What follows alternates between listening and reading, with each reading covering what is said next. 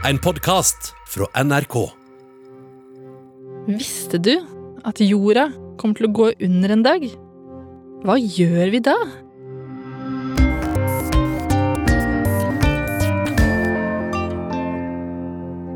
Ingenting varer evig. Ingenting. Selv ikke jorda vil eksistere for alltid. Og det vil heller ikke sola. Kan menneskeheten overleve om jorda går under? Ok, I så fall må vi ha en plan, og vi må begynne å planlegge allerede nå. Dette mener jeg er helt avgjørende å finne ut av. Jeg er Marie Hammerstrøm, jeg er astrofysiker. Dette burde vært pensum.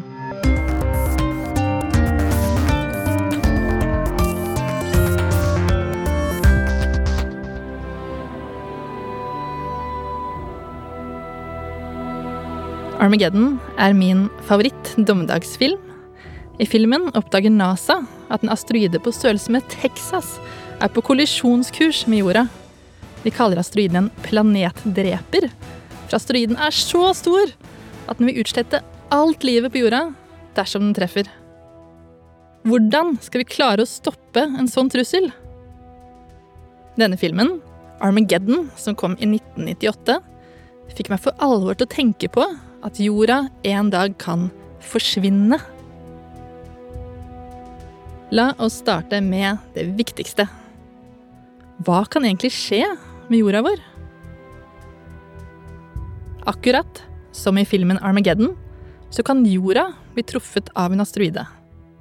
Fordi verdensrommet er så stort og tomt, er det sjelden at en sånn asteroide vil treffe akkurat jorda. Det er heldigvis plass til at den kan reise mange andre retninger. Men for 65 millioner år siden var det en som traff. Asteroiden som da traff jorda, var gigantisk og førte til at dinosaurene ble utryddet. Så store asteroider er veldig sjeldne. Mens asteroider som er rundt halvparten så store, kan treffe jorda med rundt 20 millioner års mellomrom. Vi kan uheldigvis ikke forutsi akkurat når en stor asteroide vil treffe igjen, hvilken skade den vil gjøre, eller hvor lang tid i forveien vi vil oppdage den. Det vil derfor alltid være en fare for at jorda kan bli truffet av en asteroide. Men så er det sånn at det finnes enda flere trusler mot jorden. Vi kan utslette oss selv. Det kan f.eks. skje gjennom klimaendringene. I Canada og USA fortsetter hetebølgen med temperaturer opp mot 50 grader. Nedsmeltingen i Arktis og Antarktis går raskere enn det mange hadde trodd. Det du ser her, er en katastrofe. Forskerne mener at klimaendringene så vidt har startet. Det ville bli tørrere der det nå er tørt, og våtere der det nå er vått. Ekstremværet, som vi vil se mer av, vil kunne ødelegge store områder der vi er vant til å kunne bo. Og når havnivået stiger fordi isen smelter og sluker landområder, må vi regne med at veldig mange mennesker kommer til å flykte i store flyktningstrømmer for å finne seg et annet sted å leve. Klimaendringene kan gjøre det umulig for oss å overleve her på jorda. Vi kan også utrydde oss selv, at vi bomber hverandre i hjel. Eller vi kan utryddes av globale pandemier, som er mye mer alvorlige enn covid-19. Men selv om vi skulle klare å slippe unna disse skjebnene, så er det én uunngåelig slutt vi ikke slipper unna likevel. For en dag dør sola. Og det er ikke sånn at sola bare slukker. I stedet vil sola blåse seg opp og bli større. Enormt mye større. Den vil bli så stor at den begynner å sluke de planetene i solsystemet som er nærmest den. Først Merkur. Deretter Venus. Deretter vil den glovarme overflaten til sola vokse nærmere og nærmere jorda. Vi er ikke 100% sikre på om den faktisk vil sluke jorda også, men det er egentlig ikke så mye å si. For etter hvert som sola vokser, vil det bli varmere og varmere her. Uutholdelig varmt. Planter og trær vil ikke lenger klare å drive med fotosyntese, og de vil dø. Da vil det bli lite oksygen i lufta, og vi vil etter hvert bruke det opp med pustingen vår. Ozonlaget vil dessuten bli tynnere og tynnere, sånn at skadelige solstråler får slippe ned til bakken, der hvor vi er. Heldigvis er det lenge til sola dør. Den har egentlig fem milliarder år igjen av livet sitt. Det er utrolig lenge til. Men sola dør gradvis, så vi vil begynne å merke det lenge før det. Faktisk allerede om én milliard år. Men det er jo også fortsatt lenge til, da. Og det betyr at vi har god tid på oss til å legge planer før jorda virkelig går under. Men uansett hva som skjer, enten det er vi eller sola som gjør det umulig å leve på jorda, vil sluttresultatet være det samme. På et eller annet tidspunkt kan ikke vi mennesker overleve på jorda, og kunnskapen, som vi har brukt tusenvis av år på å finne ut av å lære oss, vil gå tapt. Historien vi har vært gjennom, vil bli glemt. Bygningen vi har bygget, vil bli jevnet med jorda. Bøkene som er skrevet, vil bli borte. Det vil ikke være noen spor av oss igjen. Vi kunne like gjerne aldri ha eksistert. Jeg syns det er ufattelig trist å tenke på. Og jeg tenker at vi må gjøre det vi kan for å sørge for at vi ikke forsvinner sporløst.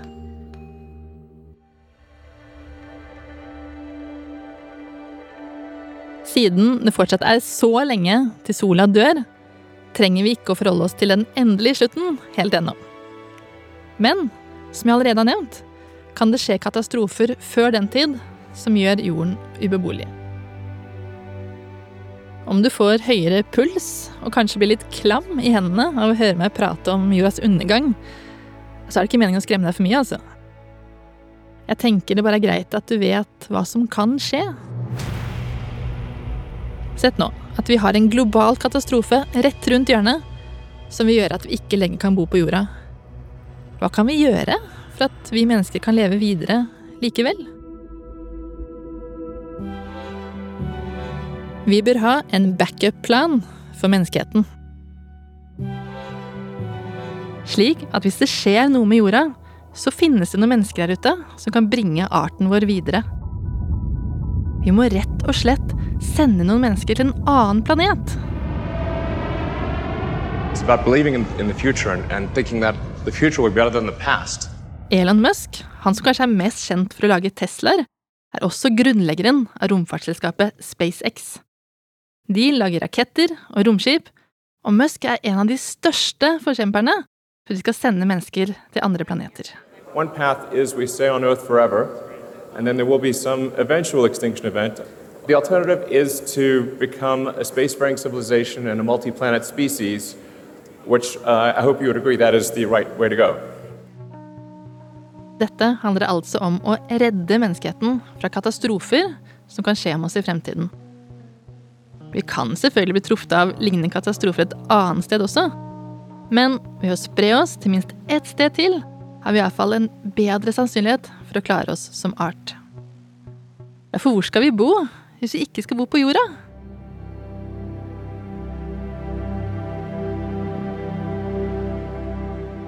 I solsystemet vårt har vi åtte planeter. La oss ta en rask titt på alternativene og hvorfor det er sånn at det bare er én annen planet som viser seg å kunne fungere for oss. Fra nærmest sola og utover har vi først planetene Merkur, Venus, Jorda og Mars. Disse er lagd av stein. Deretter kommer Jupiter, Saturn, Uranus og Neptun. De er lagd av gass. Det vil si at de ikke har en overflate det går an å stå på. Det er som å prøve å gå på vannet, noe som gjør at det er veldig komplisert å skulle lage oss en fremtid der. La oss bare glemme dem med en gang. Så da sitter vi i grunn igjen med tre muligheter. Merkur, Venus og Mars. Venus er den planeten som er nærmest oss, men det er vel omtrent også det eneste som er positivt ved den. For Venus er et sant helvete. Hadde du stått på overflaten av Venus, hadde det føltes ut som å befinne deg én kilometer under havoverflaten. Det tåler ikke kroppen din. Du ville bli knust av det enorme trykket. Samtidig vil du bli svidd av den intense varmen. Ok, så ikke Venus. Hvilken er neste? Jo, bortenfor Venus, nærmest sola, er Merkur. Der er det også uutholdelig varmt, for den er jo så nærme sola. Dessuten fins det ingen beskyttelse der mot alt det sola sender ut. På jorda er vi nemlig veldig heldige sånn. For på jorda har vi en tykk og fin atmosfære rundt oss. Den fungerer som et skjold som beskytter oss mot verdensrommet. Det atmosfæren vår gjør, er bl.a. å stoppe mesteparten av de farlige solstrålene. Stråling som kan gi oss kreft og være dødelig for oss. Atmosfæren vår sørger også for at de fleste steinene som treffer jorda fra verdensrommet, brenner opp før de treffer bakken og kan skade oss. Iallfall de små steinene. Men på Merkur finnes det ingen form for beskyttelse. Der vil vi bli gjennomboret av alt sola og verdensrommet har å by på. Så nei, la oss ikke dra dit heller. Og da er det bare én mulighet igjen. Siste planeten på lista er Mars. Og der begynner det heldigvis å ligne på noe. Åh, endelig! Et sted vi kanskje kan kalle et hjem en gang i fremtiden. Men la meg starte i andre enden. Hvilke behov må vi oppfylle for at vi kan bo på Mars? Det er spesielt tre ting som er viktige for oss. Vann, mat og luft. På Mars finnes det heldigvis masse vann. Yes! Så da er første punkt på lista i boks. Og det er veldig bra. For vi kan ikke frakte med oss alt vannet vi vil trenge i fremtiden fra jorda. For det blir vanvittig dyrt. Vi er egentlig avhengig av at vi klarer å leve mest mulig på ressursene vi finner på Mars. Vannet som finnes der, er riktignok i form av is. Men det å smelte litt is og gi det en liten rens for å være på den sikre siden, er vel den minste utfordringen vi kommer til å møte på Mars. Men selv om vi slipper å ta med vann til Mars, er det fortsatt noen ting vi blir nødt til å ta med oss hjemmefra. Sånn som jord. Jorda på Mars inneholder nemlig så mye klor at den er giftig. Både for oss og planter. Og det vil derfor bli håpløst for mennesker som skal prøve å dyrke mat i den. Mat må vi jo ha. Kanskje finner vi en bedre løsning på det etter hvert enn å sende masse jord til Mars med jevne mellomrom. Ok, vi har snakket om mat og drikke. Og uten disse duger som kjent helten ikke. Men helten trenger å puste også. Og vi kan dessverre ikke puste på Mars. For lufta på Mars består av helt andre stoffer enn lufta på jorda. Vi trenger oksygen for å puste. Og nå har forskerne funnet ut hvordan vi kan lage oksygen fra lufta som finnes på Mars. Sånn at vi får noe å puste i romdraktene våre og i de fremtidige Mars-husene vi skal bo i. Å lage oksygen på Mars klarte vi faktisk å gjøre for første gang tidligere i år. Det var det nye Mars-kjøretøyet Perseverance som gjorde det. Touchdown confirmed. Perseverance safely on the Mars, ready to begin seeking the signs of past life. Den har med seg en liten maskin som lager oksygen på samme måte som trær gjør på jorda. Maskinen suger inn karbondioksid fra atmosfæren, noe det finnes masse av på Mars. Så splitter maskinen karbonet og oksygenet i karbondioksidet fra hverandre, og slipper til slutt ut oksygen.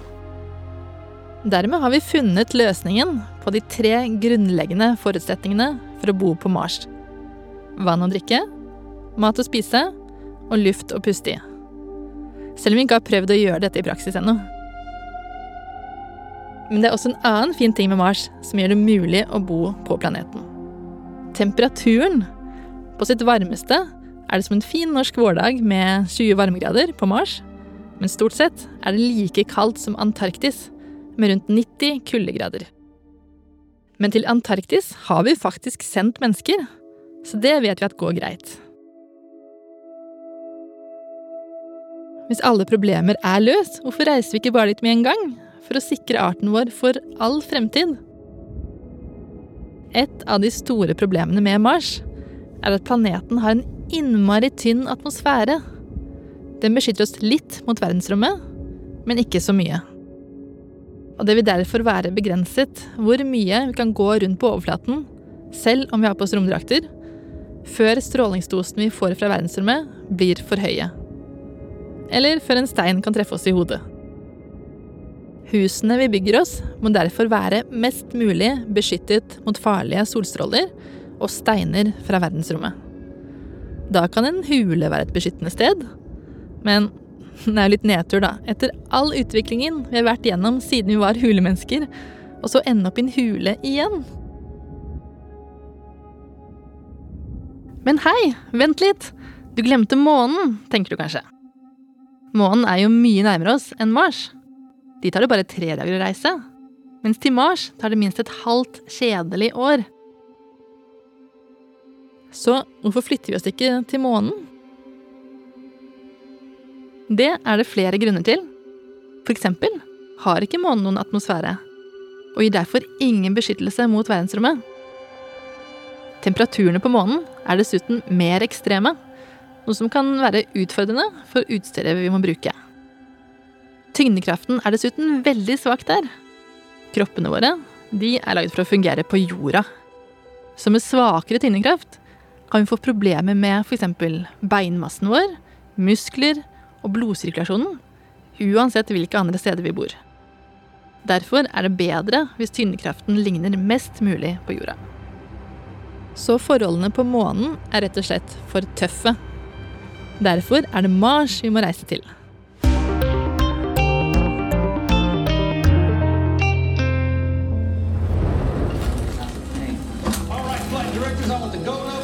I filmen Armageddon, som jeg sitter og ser på nå, har de oppdaget at en asteroide på størrelse med Texas er på vei mot jorda. Og nå drar de ut i verdensrommet mot den store asteroiden for å sprenge den bort.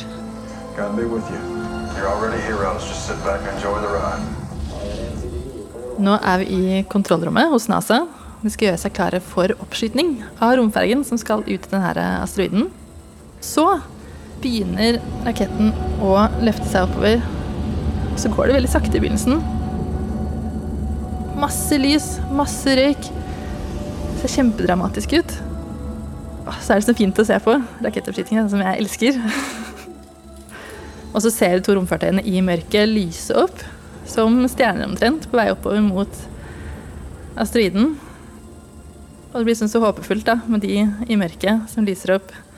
Nå skal disse redde jorda. Ut fra det vi vet i dag, er det en fryktelig dårlig idé å sprenge bort asteroiden. Det kan hende at vi bare ender opp en masse småbiter som vi kommer til å treffe jorda likevel, og så er vi like langt. Uansett hva Bruce Willis kommer opp med av løsninger, så tror jeg det er lurt å planlegge videre for at vi en dag må forlate jorda.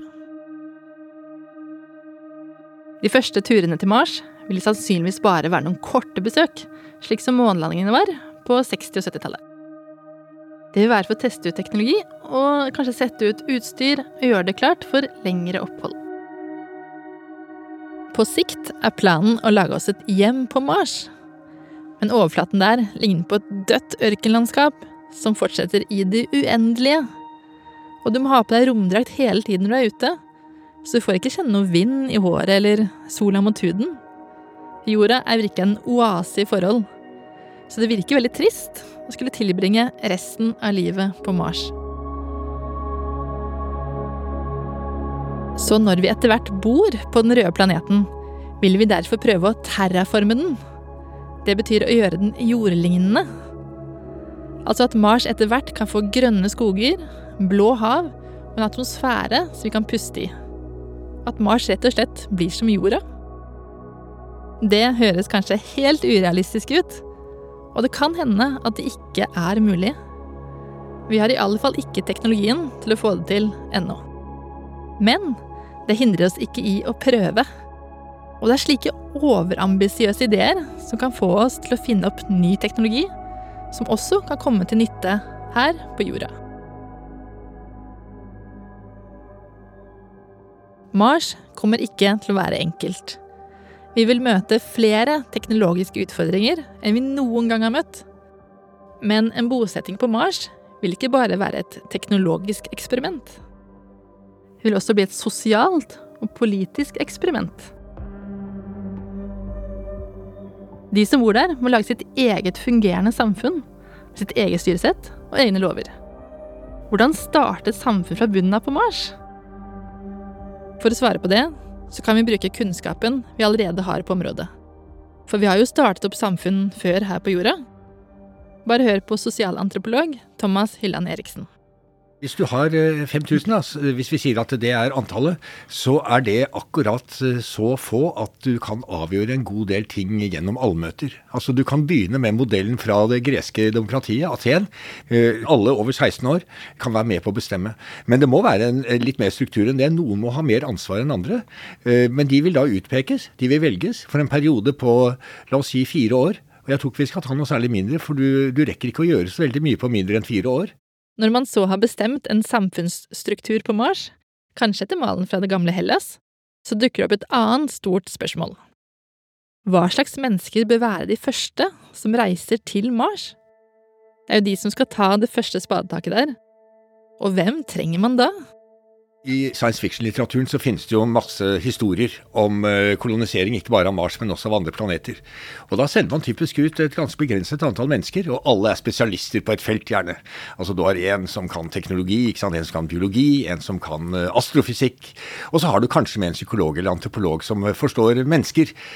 Og det er klart at det er et sted å begynne, men jeg tror man må begynne med å tenke antall, altså skala. At et sånt samfunn bør ikke ha for stor skala, men heller ikke for liten. Det bør ha så stor skala at at du kan ha en eh, tilstrekkelig arbeidsdeling. Altså at du kan ha eh, folk som kan forskjellige ting, og ikke bare er verdensledende innenfor et eh, område. Vanlige folk som kan male et hus, ikke sant? som kan grave en grøft. De må du ha med deg. Vi må ha en baker. Vi må ha en, en, en, konditor som kan lage bursdagskaker. Altså Vi vil ha et, et fullassortert samfunnsside, og det betyr da også at vi skal ha underholdning, vi skal ha popartister, vi skal ha klovner som kan komme i barnebursdager, eh, og, og folk som kan, da kan eh, ja, gjøre rett og slett eh, mange ulike typer oppgaver. Du må ha en rimelig fordeling med hensyn til kjønn, men du må også ha mange nok eh, til at du ikke får genetisk eh, degenerering. ikke sant? Altså det blir eh, innavl. Så du må ha en stor genetisk variasjon. Så du kan jo begynne med å tenke hvordan de ser ut. Noen bør være asiater, noen bør være afrikanere, ikke sant? noen bør være europeere, sånn at du får den riktige blandingen. Og så bør det altså være mange nok til at du kan få den tilstrekkelige arbeidsdelingen. Spørsmålet er hvor mange er mange nok? Det er nok av folk som gjerne vil være de første menneskene som reiser til Mars. Men når menneskene setter sine første fotspor på den røde planeten, kan vi ikke gjøre hva vi vil, for det finnes faktisk lover og regler, selv i verdensrommet. Det har Andrea Ove tenkt på. Hun jobber bl.a. med etikk i verdensrommet. Det er en FN-traktat. Eh, den kom i 1967. For det første så er den det gjeldende måte, juridiske rammeverket vi har i dag for aktivitet eh, vi skal drive med i rommet. Eh, og den sier jo bl.a. at all aktivitet i rommet skal gagne alle nasjoner, f.eks. Eh, at rommet tilhører hele menneskeheten. Ingen nasjoner har lov til å gjøre krav på områder og sånne ting. Og, det at all aktivitet i rommet skal være av fredelig karakter. Da. Det er ikke lov til å sette ut liksom, kjernevåpen og, og sånne ting.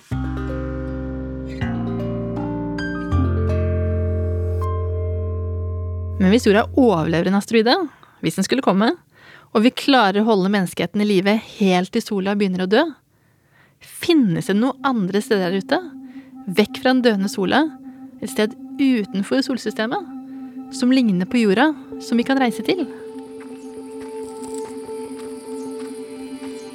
Om du går ut en tur på kvelden og titter opp på stjernehimmelen, kan du se ganske mange stjerner, avhengig av hvor mørkt det er. Er det skikkelig mørkt, kan du kanskje se noen tusen av dem. Nå ser jeg for deg dette. Rundt de fleste stjernene du ser på himmelen, er det planeter. Akkurat som vi har planeter som går rundt sola i solsystemet vårt. Så da burde det jo finnes et sted som ligner på jorda, der ute, som vi kan reise til. Og da er det vel bare å sette kursen dit når det er over for jorda? Eller kanskje burde du begynne å pakke bagen allerede nå? Dessverre vet vi nesten ingenting om planetene rundt andre stjerner. Det er fordi de bare ser ut som små prikker i teleskopene våre. I fremtiden blir kanskje teleskopene bra nok til at vi kan se om noen av disse planetene ligner på jorda, med skog og vann på overflaten. Men den harde realiteten er at det kan være så fint det bare vil på en planet rundt en annen stjerne. Vi kommer oss ikke dit uansett. Iallfall ikke i løpet av ett menneskeliv. Det er for langt å reise. Men den eneste muligheten vi har for å unnslippe det døende solsystemet vårt, er jo å bosette oss i et annet solsystem. Og det finnes kanskje en slags løsning. For det vi kan gjøre da, er å bygge et såkalt generasjonsromskip. Det er som et slags cruiseskip som suser gjennom verdensrommet med alle fasiliteter som vi kan ønske oss om bord. Ulempen er at du vil dø der. Barna dine også. Og barna deres igjen. Det må gå ufattelig mange generasjoner til før romskipet omsider kommer fram noe sted. Det vil ta millioner av år bare til nærmeste stjernen. Så håpløst stort er verdensrommet. Ok, så hvis jorda dør, og vi ikke klarer å opprette et samfunn på Mars, og det er for langt til planeten rundt andre stjerner, hva gjør vi da for å overleve? For å opprettholde menneskeheten? Da har vi kanskje bare ett magert håp igjen. At noen kommer og redder oss. Noen som kan forflytte seg med nær lysets hastighet. Noe levende der ute i det store universet. Og det er det flere som jobber med i dag. Å få kontakt med andre som lever der ute. Hvis det er noen, da. Hvis vi skal håpe at noen skal komme og redde oss, må de vite at vi er her. Derfor har vi sendt ut både det ene og det andre. Vel møtt ved fjernsyn- og lydradiomottakerne utover landet. Det er nå gått tre uker siden fjernsynssenderne i Bergen og Kongsberg var satt i drift. De første radio- og TV-sendingene ble kringkastet for bare noe sånt som 100 år siden. Disse signalene ble egentlig sendt til radioene og TV-ene våre, men på veien dit ble de også spredd ut i verdensrommet. Men foreløpig har ikke disse sendingene rukket fram til så mange stjerner ennå. Hvis det er noen der ute som lytter, får vi håpe at de fanger opp noen av de mer kvalitetsrike TV-sendingene våre. Slik at de får best mulig inntrykk av oss, og syns at vi er verdt å redde. Radio- og TV-sendingene våre har altså lekket ut i verdensrommet. Men vi har også sendt noen signaler ut i verdensrommet med vilje, med store radioantenner.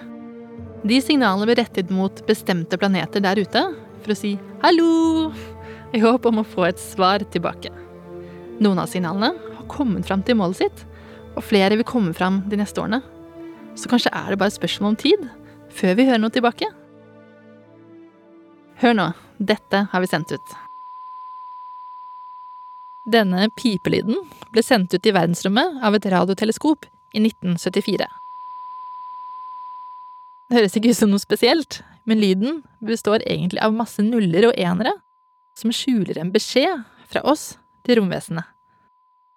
Signalet gir informasjon om hvem vi er, grunnstoffene vi er lagd av, hvordan DNA er bygd opp, solsystemet vårt og mer. Signalet ble først og fremst sendt ut for å demonstrere hvor langt vi mennesker har kommet teknologisk sett. Ingen har svart på signalet hittil. Og det er nok for svakt til at noen vil fange det opp noen gang. I 1977 ble to romsonder skutt opp fra Florida. Voyager 1 og Voyager 2. De ble i utgangspunktet skutt opp for å studere gassplanetene ytterst i solsystemet vårt. Etter å ha passert disse planetene har de fortsatt utover i verdensrommet. For noen år siden forlot begge sondene solsystemet. Dette er første gang vi har forlatt solsystemet vårt, og de vil fortsette utover. Kanskje er det en intelligent livsform som kommer over de små romsondene våre en dag? Romsondene har med seg en grammofonplate i gull hver. De kan eventuelle romvesener spille av. Hva finner de der? Et forsøk på å beskrive oss selv og kloden vår. Plansjer som beskriver solsystemet og hvor vi befinner oss i forhold til andre stjerner. Hvordan DNA er satt sammen. Plansjer som forteller om befruktning, menneskers størrelse, vekt og levetid. Om bilder av natur, dyr, arkitektur Grammofonplaten inneholder også hilsener på 55 forskjellige språk. Ikke norsk riktignok, men svensk er med. Hilsninger fra en dataprogrammerer i den lille universitetsstaden Isaka på planeten Jorden. Engelsk Hello from the children of planet Earth. og indonesisk. Selamat malam hadirin sekalian. Selamat berpisah dan sampai bertemu lagi di lain waktu.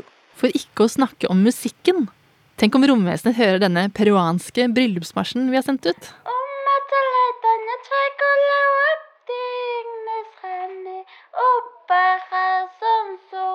Eller Vårofferet av den russiske komponisten Igor Stravinskij. Pluss mange lyder fra jorda. Lyder av vulkaner, jordskjelv, tordenvær, regn og forskjellige dyr.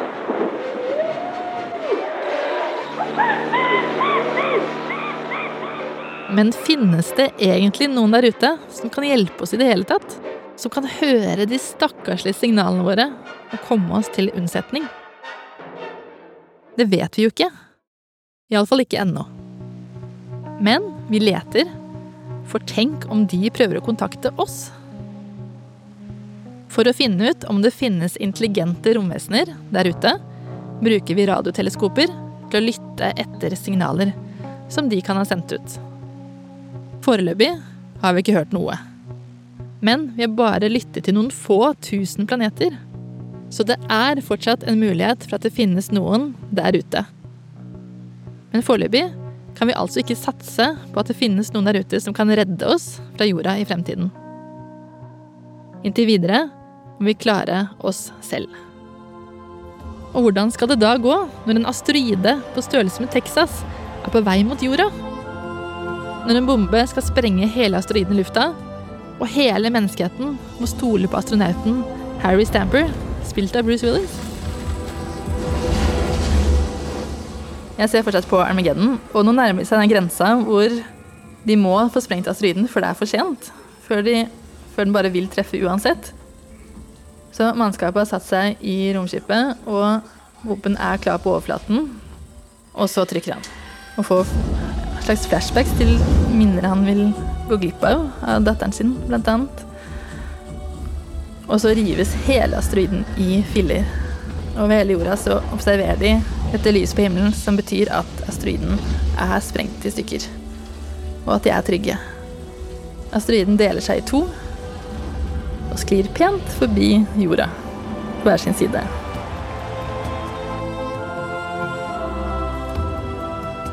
Så klarte vi altså å redde jorda fra striden til slutt. Men det var kanskje ikke så overraskende, da. Det er jo film. Men likevel så får jeg tårer i øynene av det. Å se at vi klarer å redde oss selv og jorda vår. Men så kan jeg ikke unngå å tenke på at selv om de reddet jorda nå, kan det jo komme en annen asteroide. I denne episoden har jeg kanskje skremt deg litt med alt som kan og vil skje med jorda fremover. Av både naturkatastrofer og selvforskyldte katastrofer. På mange måter ser det litt mørkt ut, men det er tre ting jeg vil at du skal huske på. 1. De fleste katastrofene har vi faktisk mulighet til å forhindre. Og kanskje, hvis jeg skal få inn noe håp nå på slutten av episoden, kan disse potensielle katastrofene bidra til at vi menneskene her på jorda samler oss om å finne løsninger i stedet for å være i strid med hverandre. To, vi kan og bør etter hvert sende mennesker til Mars. Det er en måte for menneskeheten å overleve på i tilfelle en global katastrofe rammer oss her på jorda. Og tre, dette syns jeg det er viktig å presisere, at uansett hvor mye vi snakker om å sende folk til Mars, så skal vi ikke, og kommer vi ikke, til å glemme jorda av den grunn. For jorda er fortsatt viktigst. Jorda er fortsatt best. Og måten vi overlever på, er først og fremst ved å ta vare på hverandre og kloden vår. Jeg er astrofysiker Marie Hammerstrøm, og jeg håper at denne episoden har fått deg til å tenke mer på fremtiden og hva vi må gjøre for å sikre den. Og så, når vi forhåpentligvis har reddet klimaet og bosatt oss på Mars, kan vi spekulere i hva vi skal gjøre videre. Og en dag, i fjern fremtid, klarer vi kanskje å unnslippe det døende solsystemet vårt og finne en vei videre der ute i universet.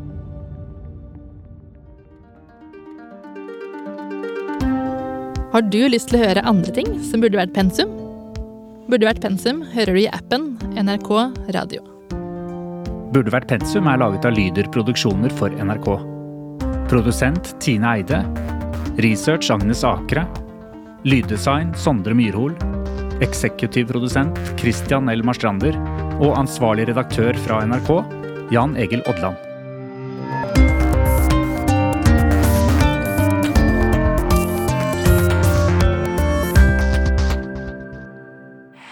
En podkast fra NRK.